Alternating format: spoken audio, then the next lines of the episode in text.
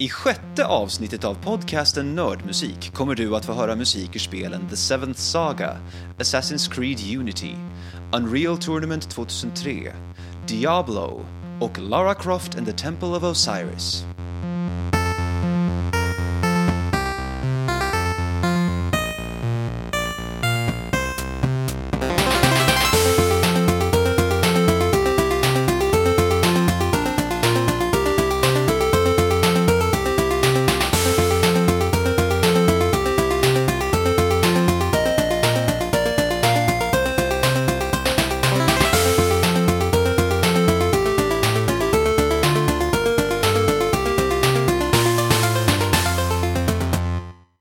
21 november 1990 släpptes tv-spelsmaskinen Super Famicom i Japan.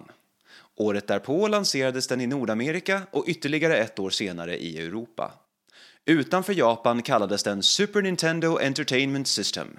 Med över 49 miljoner sålda exemplar världen över är den en av 1900-talets bäst säljande tv-spelmaskiner tillsammans med Sonys första Playstation och två andra av Nintendos maskiner.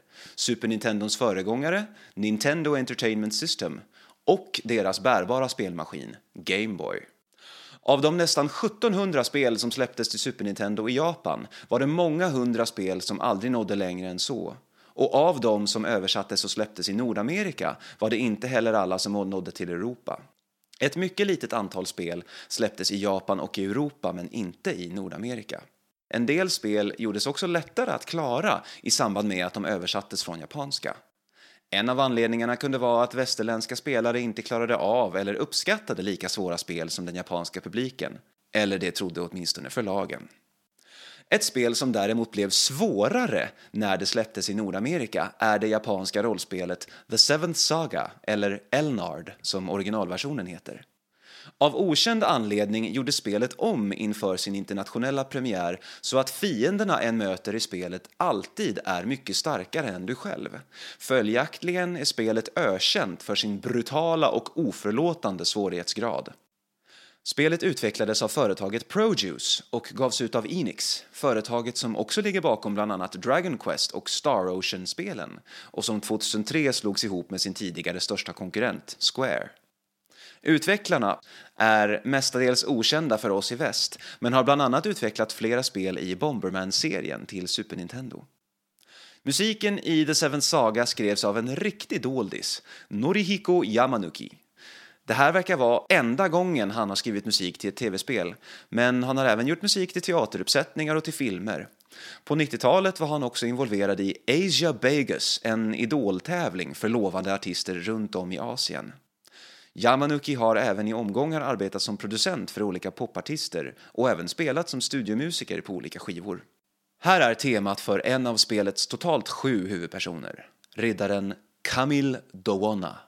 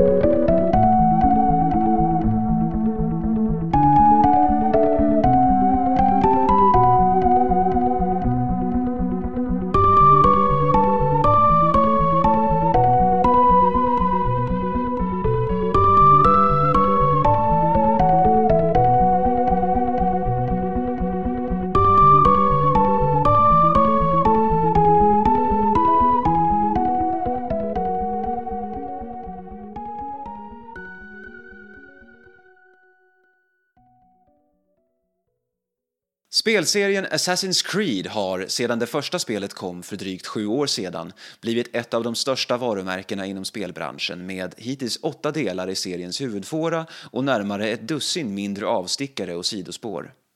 Ett antal olika kompositörer har bidragit med musik till serien. Den senaste delen, Assassin's Creed Unity, som utspelar sig under franska revolutionen, har musik av tre olika tonsättare. Ryan Amon, Chris Tilton, som var med i förra avsnittet, samt Sarah Schachner. Hon började spela piano och fiol när hon var liten och studerade musik genom hela skoltiden. Under universitetstiden bestämde hon sig för att satsa på att skriva musik till film och spel och efter att ha tagit examen i filmmusikkomposition flyttade hon till Los Angeles. Där fick hon kontakt med kompositören Brian Tyler som började anlita henne till spelprojekt som han var involverad i. Genom Brian Tyler blev Sarah sen anlitad av Ubisoft till först Far Cry 3, sedan Assassin's Creed 4 Black Flag som hon arbetade på tillsammans med bland annat Tyler och nu senast Assassin's Creed Unity. Sarah Schachner har sagt att hon tyckt mycket om att arbeta med alla tre spelen. I Assassin's Creed Unity delades spelet upp mellan henne och Chris Tilton som är spelets två huvudsakliga tonsättare. Så att hon skrev musik till bland annat stridssekvenser och multiplayer-delar och Tilton skrev musiken till framförallt handlingsdrivna scener i spelet. På grund av detta kunde varken hon eller Tilton ha en samlad vision eller målsättning för hur spelet skulle tonsättas, men hon har ändå sagt att samarbetet gått väldigt bra. Här är ett musikstycke som Sarah Schachner skrivit till Assassin's Creed Unity. Ett särskilt framträdande instrument i musiken är ett slags viola da gamba, ett stråkinstrument som Schachner inspirerats av mycket när hon arbetade med musiken till spelet. Här är Dantons Sacrifice.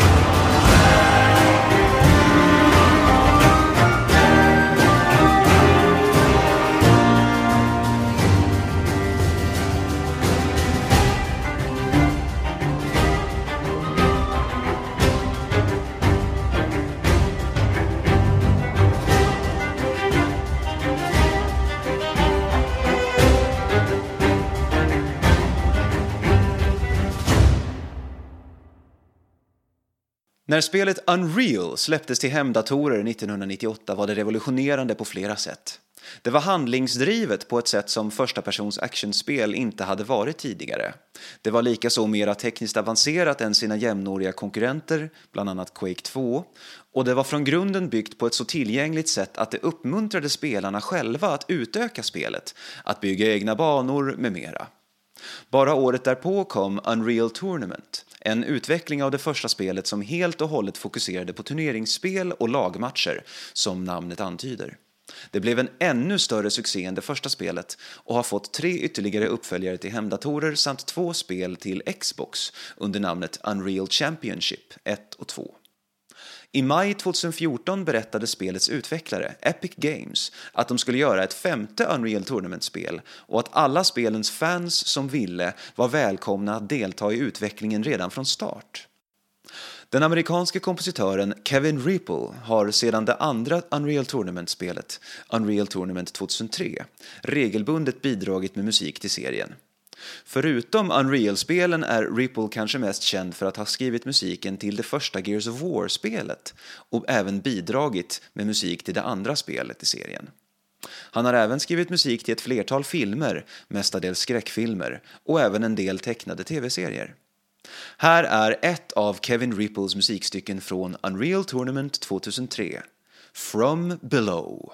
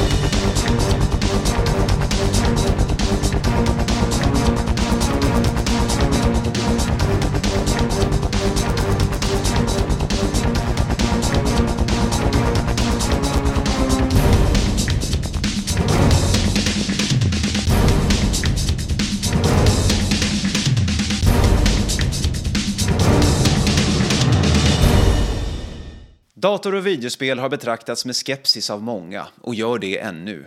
Debatter om våld, sexualisering, hälsoproblem med mera väcks med jämna mellanrum, även om det inte är riktigt lika vanligt nu som under 90 och 2000-talet.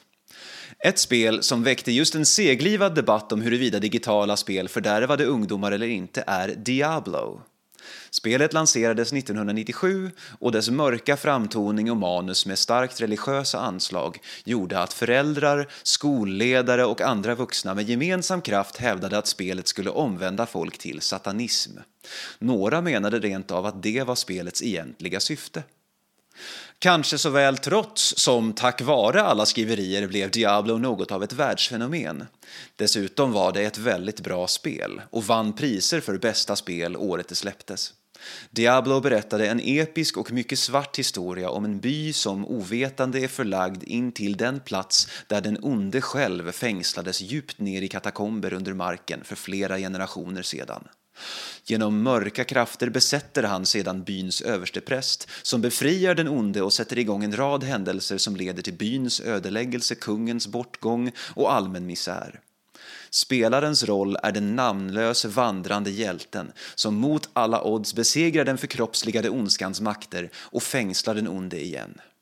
Spelet är rått, blodigt och använder sig av satanistiska bilder och ikonografi för att gestalta den fallna världen som spelet utspelas i. Men det ledde inte till ett plötsligt uppsving för satanistkyrkan, The Church of Satan, som faktiskt existerar i USA. Musiken till Diablo och även uppföljaren Diablo 2 som kom tre år senare är skriven av Matt Oldman. Efter universitetsexamen anställdes han på den lilla spelutvecklaren Condor i Kalifornien. Hans första uppdrag var att skriva musik till Mega Drive-versionen av spelet Justice League Task Force. Blizzard Entertainment såg potential i Condor och införlivade företaget som en filial, Blizzard North. Deras första spel under det nya namnet var Diablo. Som en liten anekdot kom även en version av Justice League Task Force till Super Nintendo, men till den gjordes musiken av en annan Blizzard-kompositör, Glenn Stafford, annars känd för musiken till framförallt Warcraft-spelen. Här är ett av Matt Olmans mest kända musikstycken. Ni som spelat Diablo-spelen vet redan nu vilket jag menar. Och Olman spelar faktiskt själv gitarr och flöjt i Tristram.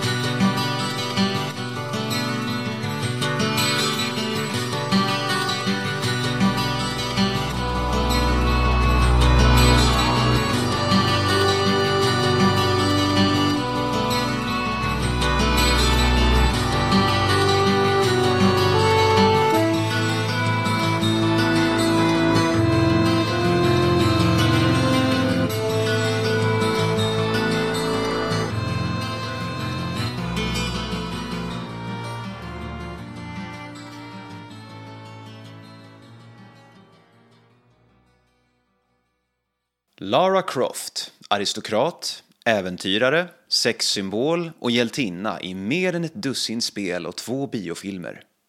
Det första spelet med Lara Croft i huvudrollen, Tomb Raider, släpptes 1996. Det var omskrivet och beryktat redan innan det lanserats och blev en riktig storsäljare. Det banade också väg för moderna spel som till exempel Uncharted och i viss mån även Assassin's Creed som delar arv med exempelvis Tomb Raider.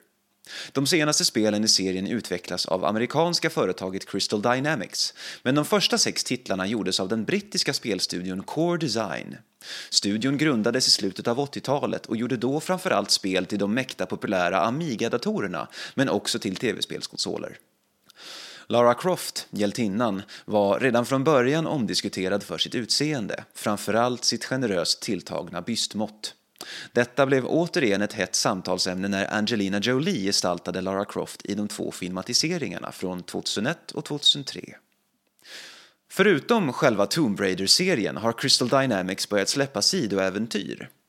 Det första kom 2010, Lara Croft and the Guardians of Light, och återanvände då musik som skrivits till studions tidigare Tomb Raider-spel. Det andra sidoäventyret släpptes förra året, Lara Croft and the Temple of Osiris. Till skillnad från det förra hade detta spel ett helt eget soundtrack, komponerat av den unga amerikanske tonsättaren Wilbur Roget. Roger anställdes 2008 som tonsättare på Lucas Arts och jobbade där tills spelstudion i princip lades ner 2013 efter att de och systerföretaget Lucasfilm köpts av Disney. Under sin tid på LucasArts arbetade Roger med bland annat Star Wars The Force Unleashed 1 och 2 samt den omarbetade nyversionen av klassiska äventyrsspelet Monkey Island 2, LeChucks Revenge. Han har även skrivit musik till filmer och scenuppsättningar och producerar samplade instrumentbibliotek. Årets första avsnitt av podcasten Nördmusik avslutas med två bombastiska musikstycken från Lara Croft and the Temple of Osiris. Jag har valt ut dem för att båda hörs när man slåss mot en av spelets monumentala bossar. Wilbur Roget har själv sagt att han skrivit styckena som en slags hommage till spelets utgivare, Square Enix, vars stora spelserier, inte minst Final Fantasy, har en tradition av just bombastiska och välskrivna bossstycken. Döm själva. Här är A Clash of Gods och One Last Chance.